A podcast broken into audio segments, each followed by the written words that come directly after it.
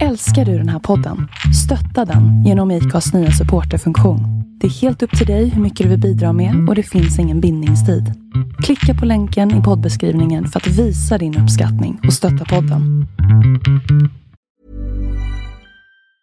Mom deserves the best, and there's no better place to shop for Mother's Day than Whole Foods Market. They're your destination for unbeatable savings, from premium gifts to show-stopping flowers and irresistible desserts. Start by saving 33% with Prime on all body care and candles. Then get a 15-stem bunch of tulips for just $9.99 each with Prime. Round out Mom's menu with festive rosé, irresistible berry chantilly cake, and more special treats. Come celebrate Mother's Day at Whole Foods Market. Hey, it's Ryan Reynolds, and I'm here with Keith, co star of my upcoming film, If, only in theaters, May 17th. Do you want to tell people the big news? All right, I'll do it. Sign up now and you'll get unlimited for $15 a month in six months of Paramount Plus Essential Plan on us. Mintmobile.com slash switch. Upfront payment of $45 equivalent to $15 per month. Unlimited over 40 gigabytes per month. Face lower speeds. Videos at 480p. Active Mint customers by 531.24 get six months of Paramount Plus Essential Plan. Auto renews after six months. Offer ends May 31st, 2024. Separate Paramount Plus registration required. Terms and conditions apply if rated PG.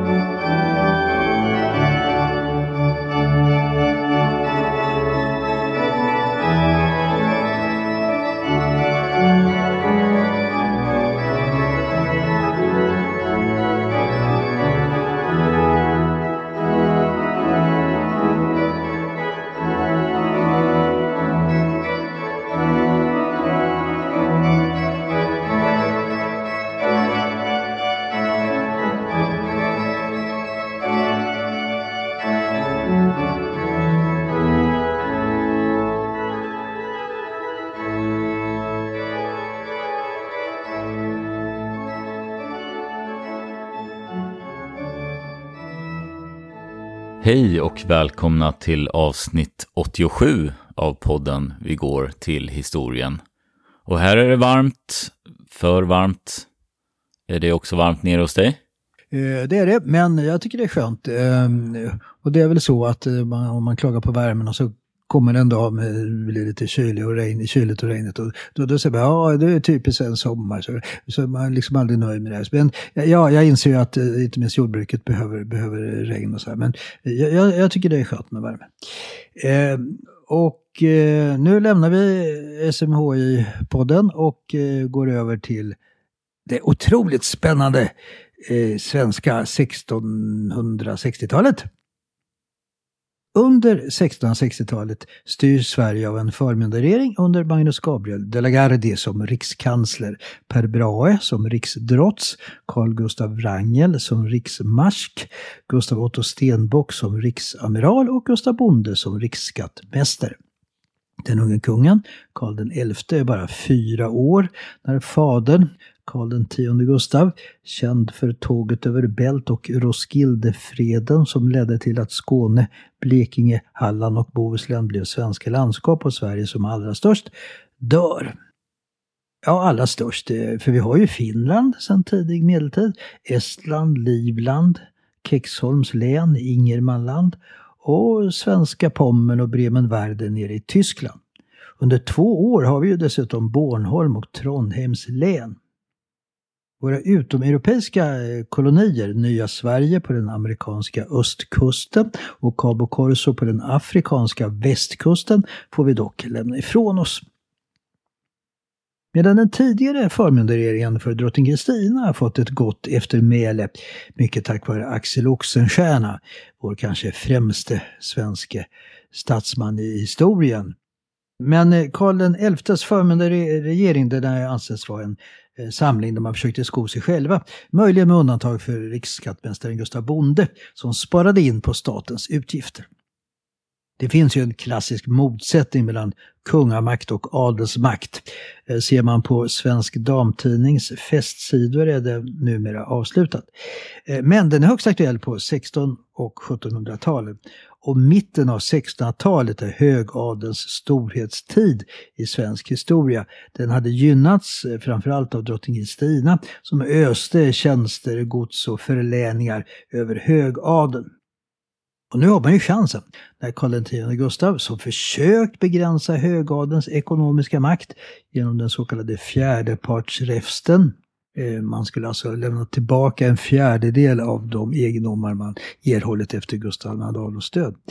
Ehm, och eh, den svenska kungen är ju en liten förskolepojke som dessutom verkar svag både fysiskt och mentalt. Medan nyadlingarna eh, duggar till alla ämbeten inom krigsmakt och administration ligger den politiska makten, den främsta, de främsta militära och civila ämbetena, de stora jordegendomarna hos högadeln, alltså den betitlade adeln, grevar och friherrar. Här har vi samhällets elit verkligen. Ätterna Brahe, De la Gardie, Stenbock, Baner, Bjelke, eh, Oxenstierna, eh, Sparre, Wrangel, Eh, lejonhuvudbonde. Eh, alltså det är en numerärt mycket liten grupp. Eh, män, kvinnor och barn, ja, kanske de var en 500-600 personer sammanlagt. Och de gifts hela tiden inom denna krets. Man är kusiner och sysslingar med varandra. Mycket spännande blir det nu att se hur den unge Karl, när han blir vuxen, ska klara av att tillvarata sina och kungamaktens intressen mot denna högad. Det verkar ju som sagt inte så lovande för den lille gossen. Som vi berättade om i förra avsnittet har han påtagliga svårigheter i skolan. Han är mycket blyg och ofta sjuk. Men han har ju en, en riktig curlingmamma i enkedrottningen Hedvig Eleonora. hon är ju en 23-årig snygging när mannen dör men hon kommer aldrig att skaffa någon ny man utan ägnar all sin kraft åt att skydda sin son.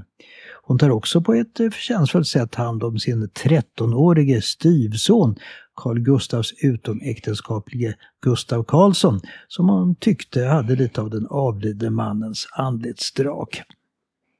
Hedvig Eleonora har ju två röster i förmyndarregeringen men använder dem inte för att spela en politisk roll. Eh, som vi berättade i förra avsnittet är ju hennes stora intressen kulturella, teater, konst, arkitektur. Hon låter ju bygga upp Drottningholms slott som det ser ut idag, än idag. Nicodemus Tessin den äldre, arkitekten, och efter hans död 1681 tar sonen med samma namn, Nicodemus Tessin den yngre, över. Konstnären David Klöcker Ehrenstrahl målar tavlor och smyckar väggar och tak. Jag tror att Hedvig Eleonora ville att barockslottet Drottningholm skulle bli en symbol för den svenska stormakten och samtidigt ett sätt att hylla den falsiska ätten som ju efterträtt Vasaätten på den svenska tronen. Slottet är fyllt av symboler för falsätten och släktporträtten är många. Missnöjet är stort i förmyndarregeringen över att Karl verkar så svårt att lära sig läsa och skriva. Vad man inte begrep var att pojkens läs och skrivsvårigheter inte hade med bristande begåvning att göra, utan berodde på dyslexi. Det är ju något som man för övrigt har svårt att förstå långt in i vår tid. Hans lärare kritiseras och hans huvudlärare Gripenhjelm förklarar på 1600-tals svenska att kungens svårigheter beror på citat egen gemöts disposition. Alltså gemöt, gebyt, är väl ja, hans sinnes, sinnelagen. Som, av, eh, som är av naturen något hetsigt, prompt och levandes och som är som oftast blandar tankarna tillhopa med varandra. Och precipiterar dem över varannan till vilket allt är ett infallibelt märke att hans majestät efter inläsandet begynner ordet av den sista bokstaven och stundom av det som mitt i ordet står. Ja, det är väl en beskrivning av en dyslektikers dilemma kanske, eller hur? Ja, jag tycker det är lite vågat av honom att slänga kungen under bussen sådär.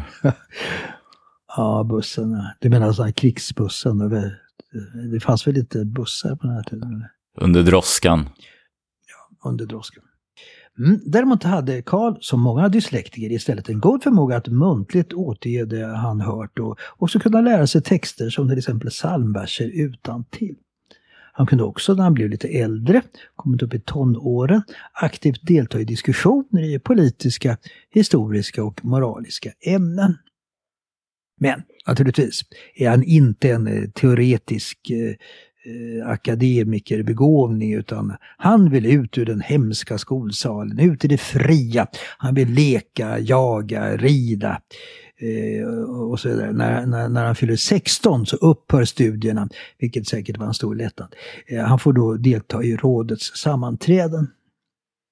När han kommer upp i den åldern visar sig också att han ärvt faderns militära intresse. Han älskar parader, militärmusik, exercis. Han skaffar sig kompisar som delar hans intressen som bröder Wachtmeister och bröder Gyllenstierna. Eh, de hör till ätter som visserligen tillhör högadeln men inte riktigt den här gamla svenska uradeln. Och dessa vaktmästerbröder skulle tillsammans med en Johan Gyllenstierna bli Karl XIs främsta medarbetare mot högadeln. Vi ska återkomma till det. Nå, Karl och hans tonårskompisar de roar sig på ett ganska så säga, våldsamt och buspojkaktigt sätt. Eh, man kan säga att den unge kungen passar bättre i en soldatkasern än bland hovfolkets vett och etikett i slottets salar. Eh, tjejer visar han inget intresse för. Eller ja, han är säkert inte ointresserad av dem, men är helt enkelt för blyg för att eh, ta kontakt. Om vi sammanfattar den politik som förs av förmyndarregeringen under 1660-talet kan man alltså säga att högadeln lyckas behålla sin ställning vid de återkommande riksdagarna trots att krav restes från lågadel och de andra stånden att reduktionsarbetet med att minska högadelns ekonomiska makt från Karl X Gustavs tid, alltså fjärdepartsräfsten, skulle återupptas, men man lyckades inte. När det gäller ekonomi hände något intressant år 1668. Då grundas nämligen någonting som är fullständigt unikt. En institution som är den äldsta i världen. Vet du vad jag syftar på inom, inom ekonomins område? Vad är det som grundas då? Inom ekonomins område? Eh, mm. Riksbanken kanske? Alldeles riktigt, Sveriges riksbank. Och det är faktiskt den äldsta i världen. Och mannen bakom det är livländaren Johan Palmstruck. Han är grundaren av det svenska bankväsendet, vår första bankdirektör helt enkelt. Han kom från Riga, där han varit affärsman och eh, suttit i fängelse många år för ekonomiska oegentligheter. Men hans far hade lånat ut stora penningsummor till bland andra Gustav II Adolf, vilket ledde till att Johan, eh, när han kommit ut ur fängelset och flyttat till Sverige blev adlad Palmstruck, alltså på grund av faderns förtjänst. Och denne Johan Palmstruck, han hade redan 1661 startat en bankrörelse i Stockholm. Den Palmstruckska banken, som är, den är också känd för att börja ge ut något som också är helt unikt och nytt. Eh, som man var först med, i varje fall i Europa. Eh, vet du vad jag syftar på då? Mm, ge ut någonting, det kan bara vara att ge ut sedlar.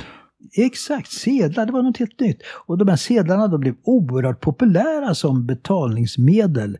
Eh, kan man tänka sig varför?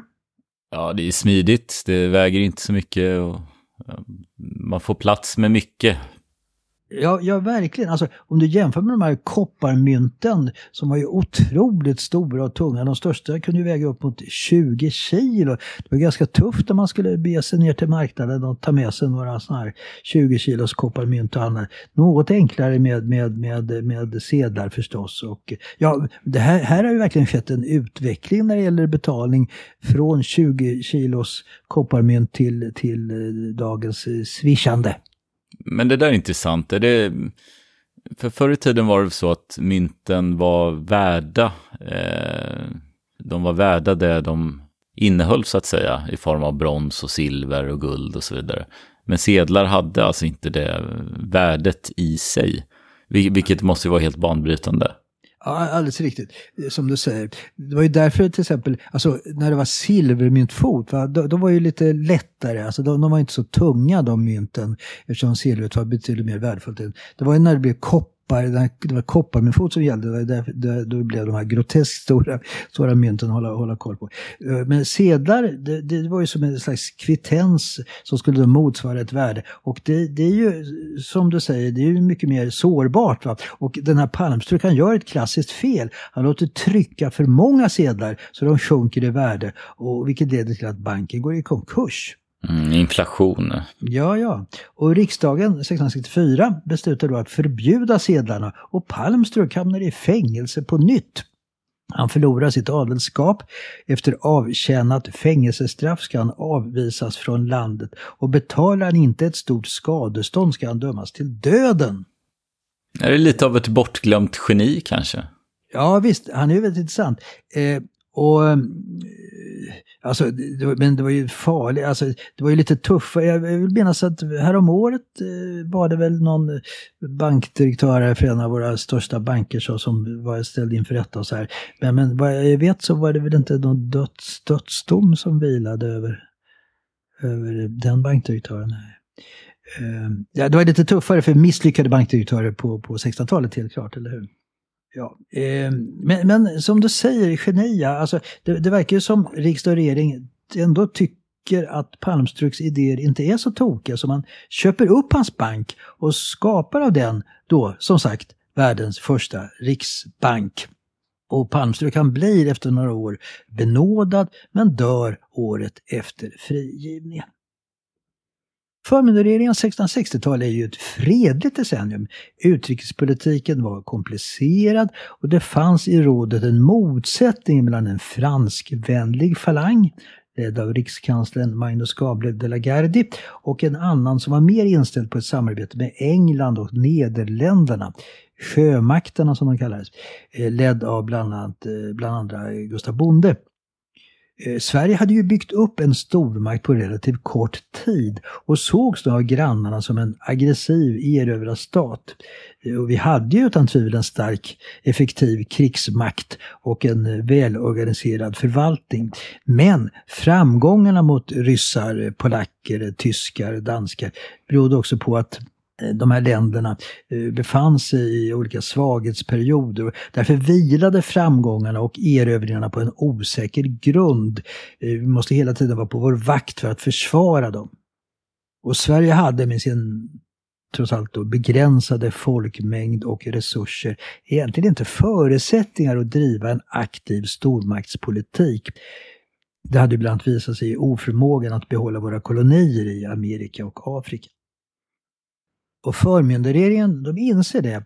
Man förstår att det gäller att undvika nya krig med osäker utgång. Expansionen bedöms som tillräcklig. Det gäller nu att behålla det man erövrat. Och programmet för det, det är att vara neutral i konflikter, gärna att istället vara medlare. Det gäller också att få bättre relationer till Nordeuropas stormakter. Karl X Gustav hade ju närmast, om man tänker efter, varit osams med alla, eller hur? Med ryssar och polacker och tyskar och danskar och holländare. Ändå intressant att vi under en kort period där på 1600-talet såg som en aggressiv eh, invasionsmakt. Ja. En del har hänt sedan dess. Ja, det kan man säga.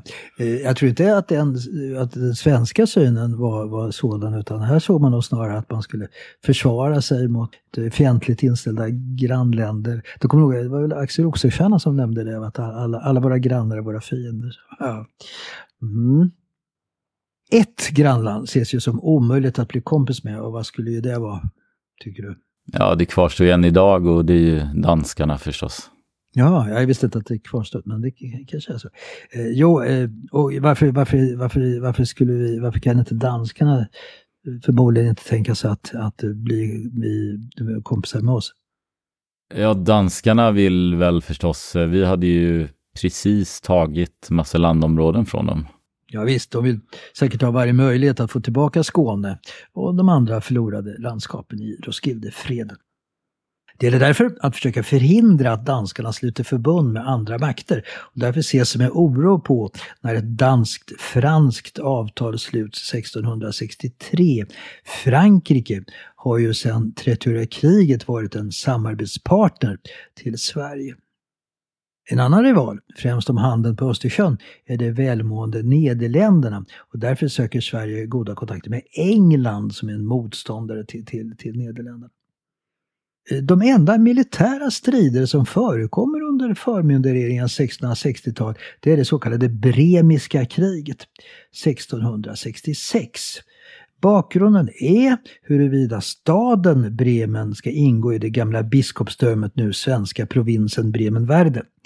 Det är något Sverige ansåg hade bestämts i Westfaliska freden. Och strider om det det utkämpas redan 1654 under drottning Kristinas sista veckor på tronen. Och nu i januari 1666 marscherar trupper från svenska Pommern under befäl av Carl Gustav Wrangel till området för att tvinga staden Bremen att ansluta sig. Men Märkligt nog inser inte Bremenborna fördelen med att bli svenskar, varvid Wrangel inleder en blockad, en belägring av den starkt befästa staden som pågår under våren, sommaren, hösten. Och under senhösten börjar nu Bremens grannar med Brandenburg i spetsen kräva att svenskarna drar sig därifrån. Läget blir ohållbart och Sverige måste göra en neslig reträtt och acceptera för all framtid att staden Bremen inte ingår i provinsen Bremenvärd. Det krävs alltså en stark eh, kung i frontledet. Ja, ja, det verkar så. Under det fortsatta 1660-talet inledde Frankrike under sin kung Sol, Ludvig XIV, en kraftig upprustning som kommer att leda till en offensiv utrikespolitik. Eh, ett inledande mål är spanska Nederländerna alltså det för dig bekanta dagens Belgien, eh, för att skydda sig mot fransk expansion som kan rubba den jämviktspolitik som rått sedan eh, 30-kriget. Eh, bildas 1668 en trippelallians bestående av England, Holland, Nederländerna alltså, och Sverige. Den 13-årige Karl XI blir dubbad till riddare av Englands förnämsta orden, Strumpebandsorden. Eh, känner du till den? Den har ju ett berömt motto. Eh, är du bekant med det? Nej, men eh, jag är väl bekant med att det är ett eh, ganska larvigt namn på en eh, förnäm orden. Ja, det kan man tycka. Alltså mottot är ju Oniswa Kimalipans, alltså skam den som tänker illa härom. Och bakgrunden lär vara att en dam på en bal tappade ett strumpeband och att kungen böjde sig ner för att ta upp det, vilket framkallade vissa, vissa skratt. Varvid kungen då skulle ha sagt den här repliken, skam den som tänker illa härom, som blev ordens motto. Det är den lite lustiga bakgrunden. Mm. Eh, det finns lite olika versioner av vilken kung det var. Eh, en, en populär eh, svar på den frågan är att det var Rikard Lejonhjärta, men det finns också andra. Hur som helst, Strumpebandsorden. Alliansanslutningen firas också med ett jättefyrverkeri i Stockholm med bland annat Karl XIs namnskiffer i 15 meters superformat och med fantastiska fyrverkeribilder av ja, Sankt Göran och draken och andra, andra bilder. Återstår att se om dagens regering kan åstadkomma något liknande om vi får gå med i NATO, vad tror du? Fyrverkerier? Ja, mm. ja det vore något. Ett, ett förslag va? Ja. Med, med, med, med vad säger, Kristerssons profil då i 15 meters jätteformat. En militärparad? Varför har vi inga militärparader? Ja, det, det är vi dåliga på. Men bara några år senare skulle situationen ändras. Magnus Gabriel de la Gardie propagerade som sagt ihärdigt för en allians med Frankrike istället medan Johan Gyllenstierna, som under riksdagarna varit ledare för de yngre och inte så bördstunga adelsätterna, nu blivit greve och riksråd i ständig polemik med de la Gardie ville fortsätta samarbetet med England och Holland och även knyta förbindelser med den tysk-romerske Habsburg-kejsaren. Gyllenstierna varnar för följderna av att alliera sig med en expansiv makt, att det kan innebära att man själv tvingas med i krig, vilket han skulle få rätt i. När England 1670 sen byter sida och ansluter sig till Frankrike, då ändras förutsättningarna och de Delagarde får igenom sitt önskemål om en svensk-fransk allians. Och vad det kommer att leda till, det ska vi återkomma till i nästa avsnitt. One size fits all seems like a good idea for clothes until you try them on. Same goes for healthcare. That's why United Healthcare offers flexible, budget friendly coverage for medical, vision, dental, and more. Learn more at uh1.com. I'm Sandra, and I'm just the professional your small business was looking for. But you didn't hire me because you didn't use LinkedIn jobs. LinkedIn has professionals you can't find anywhere else, including those who aren't actively looking for a new job but might be open to the perfect role, like me. In a given month, over 70% of LinkedIn users don't visit other leading job sites. So if you're not looking on LinkedIn, you'll miss out on great candidates like Sandra. Start hiring professionals like a professional. Post your free job on linkedin.com/people today. Burrow's furniture is built for the way you live. From ensuring easy assembly and disassembly to honoring highly requested new colors for their award-winning seating, they always have their customers in mind. Their modular seating is made out of durable materials to last and grow with you. And with Burrow, you always get fast, free shipping. Get up to 60% off during Burrow's Memorial Day sale at burrow.com slash ACAST. That's burrow.com slash ACAST. burrow.com slash ACAST. När vi förra avsnittet berättade om begravningen av Karl X Gustav talade vi om en något oväntad och inte så välkommen gäst. Eh, Vem då? Ja, Kristina förstås. Visst. Ingen mindre än den döde kungens kusin, ex-drottning Kristina. Hon gjorde en uppmärksammad markering att hon kunde återinträda på tronen om det hände den lille Karl XI något och detta togs inte väl upp som vi berättade om i förra avsnittet. Väl tillbaka i Rom kan hon flytta in i ett nyrestaurerat Palazzo Riario och återuppta den nära förbindelsen med kardinal Asolino. Eh, hon förnyar också palatsets trädgård. Det är hon intresserad av, engagerad i. Hon planterar mängder med apelsin och citronträd till exempel. Eh, och hon jobbar också hårt för att få sitt något skamfilade rykte reparerat. Eh, den av henne beordrade avrättningen av Monaldesco i sin egen våning. Kommer ni ihåg? Det har vi berättat utförligt om. Och eh, detta arbete det, det bär frukt precis som eh, hennes träd. I mars 1663 kommer självaste påven, Alexander den sjunde, på visit till hennes palats. Kristina knyter också närmare kontakter med Ludvig den XIV. Man kan nog här inte underskatta kardinal Assolinos roll. Han har en stark ställning i Vatikanen och många värdefulla kontakter och sköter Kristinas ekonomiska och politiska affärer. Under Kristinas första år i Rom hade vissa äventyrare och personer med tveksam bakgrund sökt sig till hennes hov. En anledning till det, det var att Kristina gärna omgav sig med lite udda personligheter. I Stockholm hade hon ju blivit uttråkad av alla trista, eh, beskäftiga adelsgubbar och allvarstyngda, moraliska, renläriga, intoleranta lutherska präster. När en italiensk greve vid ett besök i hennes palats undrade om hon inte kände sig ensam i sin landsflykt svarade hon Jag är hellre ensam i tre dagar än tillbringar en halvtimme med er. Det är en vass replik, eller hur?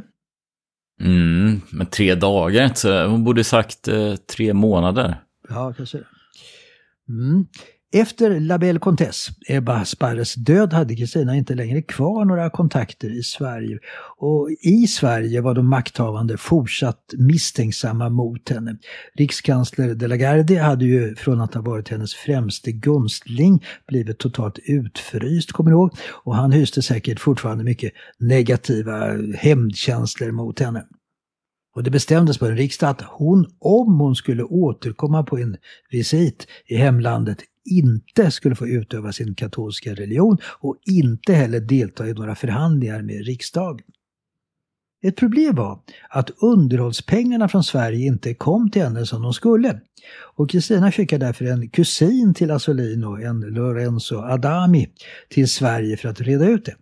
Han åker runt med tolk till underhållsländerna, till öarna Gotland, Öland, Ösel och till Norrköping och träffar ledande män som Carl Gustav Wrangel och Kristinas tidigare favorit Klas Tott. Adami upptäcker att det är framförallt från svenska Pommern, som också tillhör hennes underhållsområden, som pengarna uteblir. Och det är därför att de försnillas av provinsens generalguvernör. Men Adami kan också rapportera något annat som väcker Kristinas intresse, nämligen ett intryck att Kristina fortfarande är populär i sitt hemland. Och detta får henne att fatta beslutet att sommaren 1666 göra ett återbesök i Sverige för att en gång för alla ordna upp sin ekonomi. Hennes mål är att besöka den riksdag som är kallad att sammanträda i juni. Att hon inte var välkommen till riksdagen, det verkar hon ha ignorerat. Kristina reser först till Hamburg varifrån hon skriver ett brev till kardinal Asolino med följande lydelse. Citat. Sedan jag lyckligen genomkorsat det öde, stinkande och barbariska Tyskland anlände jag slutligen hit igår kväll. Ni och Rom gör med allt för stor ära och all den vördnad och ömhet som visas mig ännu mer bedrövad eftersom jag med min eviga otur riskerar att bli borta längre än jag trodde från Rom och följaktligen också från all glädje. Ty när jag anlände hit fick jag veta att det fortfarande är osäkert om riksdagen kommer att bli av och att man till och med tror att den kan bli inställd. Mm. Vad drar du för slutsats av det? Nej, men det var ju ett smart drag. De vill inte ha henne på riksdagen och de kan väl, hon var ju ändå drottning och gav upp den titeln. Mm. Så de har ju offrat någonting så de kanske har svårt att neka henne vid dörren. Så då, och eftersom hon hatar att vara där så säger de bara att den ställs in eller skjuts fram sådär så att hon inte ska palla vara kvar och mm. tvingas tillbaka till Rom. Så det är smart, smart drag. Ja, vi får se vad som händer. Eh, alltså, eh, Kristina visar ju här utan tvivel att hon inte känner sig tillfreds med situationen och att hon längtar tillbaka till Rom och Asolino. Då. Och de här båda, de står ju, som vi berättade om tidigare, varandra mycket nära. Asolino nämner vid ett tillfälle eh, eh, för varje steg som hennes majestät har avlägsnat sig har det blivit allt svårare för mig. Det skvallrades ju en del om deras relation och påven hade förgäves försökt förhindra att kardinalen besökte henne sena kvällar och nätter. Men precis som i kontakten med Ebba Sparre eh, var det säkert inte fråga om någon intim kärleksrelation. Alltså, Asolino var ju som eh, katolsk kardinal bunden vid sitt celibatlöfte och Kristina har vid flera tillfällen skrivit att hon helt enkelt kände avsmak för den fysiska kärleken mellan man och kvinna. Kristinas brev till kardinalen som hittades i Vatikanbiblioteket för ungefär 100 år sedan är intressant att ta del av. Hans brev till henne har vi inte tillgång till. Men när Asolino tydligen har antytt en oro för att Kristina inte ska komma tillbaka till Rom reagerar hon kraftigt. Citat. Vill ni inte att jag ska komma tillbaka eller tror ni att jag någonsin skulle besluta mig för att lämna Rom och överge mina planer på att återvända dit? Förklara vad ni menar och befria mig från den smärta och oro som dessa ord har vållat mig. Och tro mig när jag säger att jag hellre bor i Rom och lever på vatten och bröd med bara en kammarjungfru som betjäning än någon annanstans som härskar över alla kungariken och skatter i världen. Bara en betjänt alltså. Ja. Det är hårt. Ja, visst, visst. Det blir tufft. Mm. Ja, någon juniriksdag i Stockholm kommer inte igång, men Kristina bestämmer sig då för att stanna i Hamburg över sommaren för att vänta på att en sån ska starta. Hon fördriver tiden med att också skriva ett brev till Karl XI där hon ber den tioårige kungen att han ska låta henne få utöva sin katolska tro i fred vid ett besök i hemlandet. Att riksdagen skjuts upp ser hon, kanske med fog, som ett resultat av att man inte vill sätta igång en riksdag med, med henne så pass nära så, som, som nere i Hamburg. Ett annat problem för Kristina på ett mer personligt plan det är att Assolinos brev, att, som vi inte har tillgång till, men att döma av svaren från Kristina, ändrar karaktär. De verkar helt enkelt ha blivit mer eh, ja, distanserande. Att han vill ändra deras nära relation. Eh, varför då kan man ju undra. Ja, kanske en förklaring att påven Alexander VII, han börjar bli krasslig och att Assolino tänker ställa upp i ett framtida påveval. Och då får ju inget skvaller, om än aldrig så felaktigt och grundlöst, stå i vägen. Sommaren blir höst. Kristina stannar envist kvar i Hamburg. Ett brev till Assolino är avslöjande för det vi gissade om Assolinos ändrade ton i breven. Kristina skriver vilka förändringar som än kan inträffa i edert hjärta så kan det icke förändra mitt och jag ska för er bevara en obrottslig trohet in i döden. Trodda på allt elände blir nu Kristina sjuk där i sitt sovrum i Hamburg. Hon får huvudvärk, kräks, får ont i kroppen, hon känner sig psykiskt nere. Vi illustrerar med ett nytt brev till Asolino. Vad mig själv beträffar är jag mer än någonsin ansatt av mitt onda i sidan. De sista, de sista åtta dagarna har detta onda påtagligen ökat och de två sista nätterna har det hindrat mig att vända mig i sängen, vilket för till att jag inte kunnat sova, mist aptiten. I natt kände jag en förändring.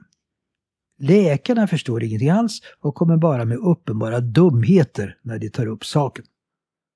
Senare under hösten blir Kristinas brev allt personligare och forskare har verkligen lusläst dem för att tolka relationen. En del menar att breven tyder på att de måste ha haft en, en, en intim relation som Assolino nu ville avsluta. Eller, eh, jag tror att det är eh, Kristina kännaren framför andra, Sven Stolpe, som har den teorin, att Kristina hade hoppats på en, en fysisk relation. Alltså följande brev stöder kanske Stolpes analys. Eh, Kristina skriver Min avsikt är att aldrig kränka Gud med hans nåd och att aldrig ge er anledning till anstöt. Men detta beslut kommer aldrig att hindra mig från att till döden älska er och eftersom er devotion alltså, det, vad, vad betyder det? De, devotion, vad säger man? Hängivelse, hängivenhet. Ja, hängivenhet är bra. Eh, fritar er från att vara min älskare. Fritar jag er från att vara min tjänare. Ty jag vill leva och dö som er slav. Ja, hur tolkar du det här, de här sådana här rader? Ja, eftersom det är just där Kristina skulle tycka var intressant att faktiskt ha en en annan kvinna som tolkar det istället för vi gubbar som Stolpe säkert också är. Ja, ja visst. Ja, med Stolpe, det är lite roligt här, det är att Stolpe faktiskt antyder att Kristina kan vara lite ironisk här med ord som anstöt och, och devotion och hängivenhet. Alltså att de tycker att Assolines avståndstagande tyder på ett slags religiöst hyckleri, va? Att det är som, som är då viktigare för honom än kärleken till henne. Va? Ja, så kan det ju vara. Eller så vill de bara jävlas eh, och förstöra för uh, hans påveambitioner. ja, just det. Eh, I december får hon ett brev från den svenska förmyndarregeringen där de skriver att hon får komma till Sverige men absolut inte ha med sig någon katolsk präst och inte heller komma till en riksdag. Kristina stannar över vintern i Hamburg. Hon börjar må lite bättre. Eh, en anledning kan vara att hon byter ut en stor ölkonsumtion mot en lika stor mjölkkonsumtion.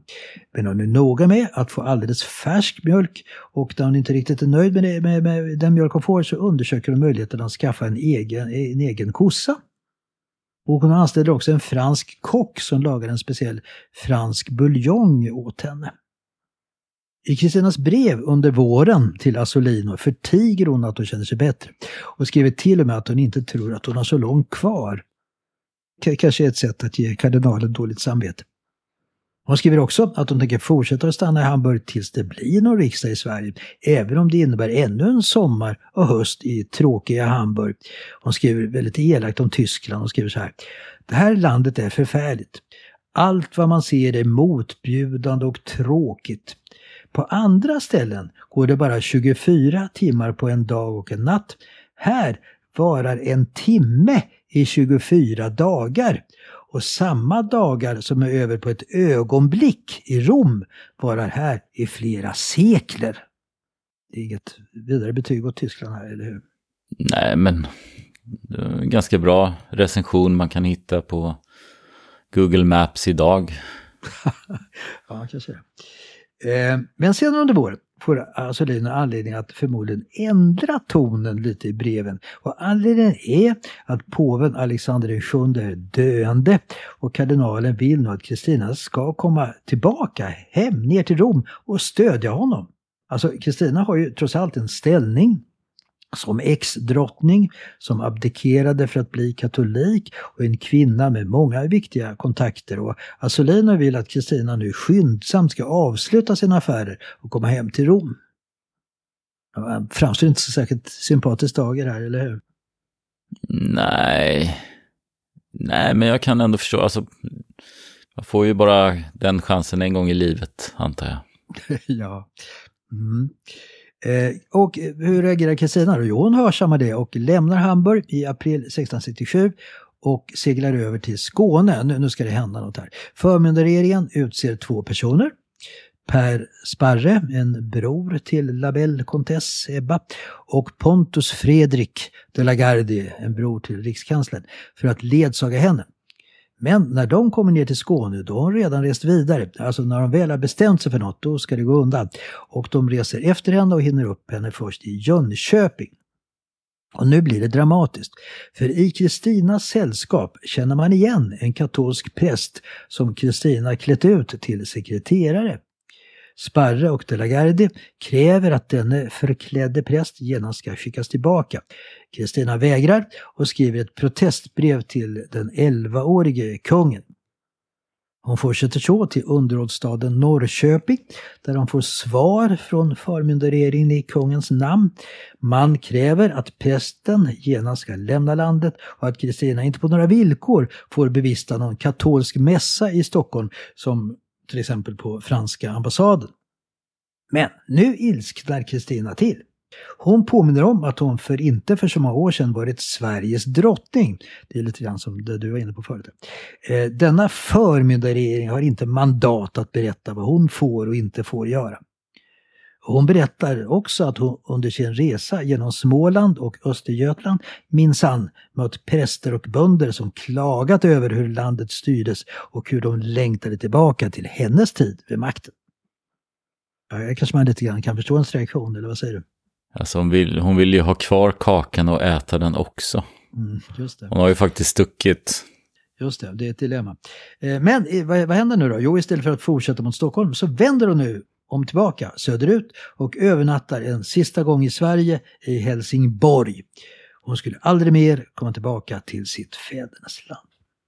Men jag vet inte vad du tycker, men frågan är ju om inte förmyndarregeringen lite överdrivet sin rädsla för henne. Eh, alltså för att Kristina skulle ha gjort anspråk på en politisk makt. Eh, även om hon kanske hade ett visst eh, folkstöd så var det ju knappast eh, tillräckligt för att kunna genomföra någon slags statskupp, eh, eller, eller hur? Nej, men de, jag tror bara de var lite trötta på henne också. Att hon ständigt kommer tillbaka och begär pengar och är lite jobbig sådär. De, de ville väl fan, åk iväg och så glömmer vi bort det. Du ställer bara till med oreda. Det, jag tror snarare, snarare det är en rädsla. Mm, mm. Ja, det, det, låter, det låter som det skulle stämma. Alltså hon verkar ju lite det här att har hon väl bestämt sig för någonting, så lite konfliktsökande. Mm, mm. Eh, och även mot Sverige då. Hon hatar ju Sverige vid det här laget också. Ja, det verkar så. Och de har börjat hata henne. Det är ett osunt förhållande. Ja, hon är ju, väl, hon är ju van att få som hon vill, liksom. hon har ju väldigt stark vilja uppenbarligen.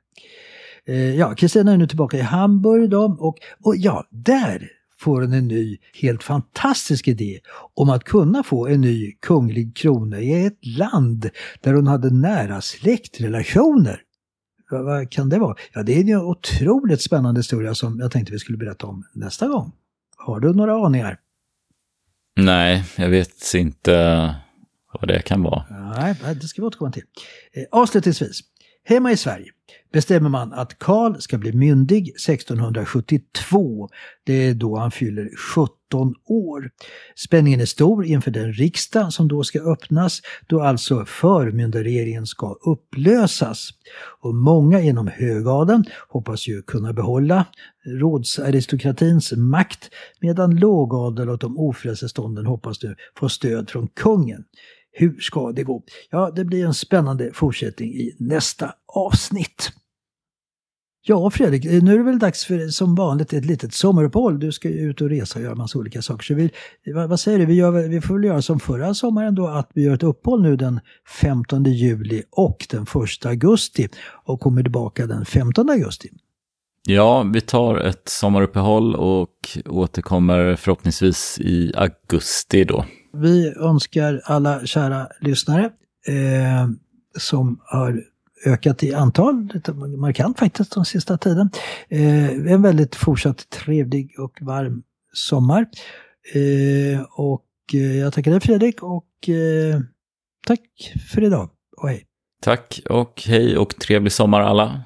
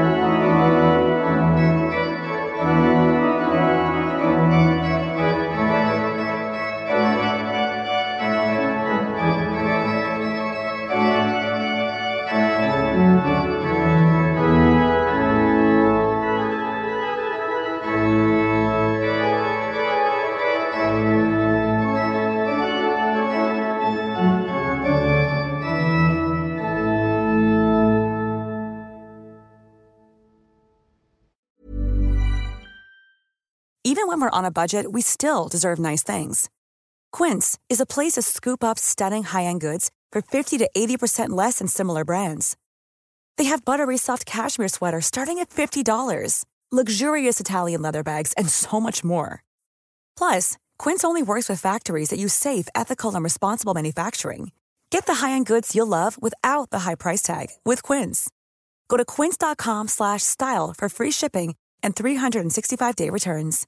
Imagine the softest sheets you've ever felt. Now imagine them getting even softer over time. That's what you'll feel with Bowl and Branch's organic cotton sheets. In a recent customer survey, 96% replied that Bowl and Branch sheets get softer with every wash. Start getting your best night's sleep in these sheets that get softer and softer for years to come. Try their sheets with a 30-night guarantee. Plus, get 15% off your first order at bowlandbranch.com. Code BUTTERY. Exclusions apply. See site for details.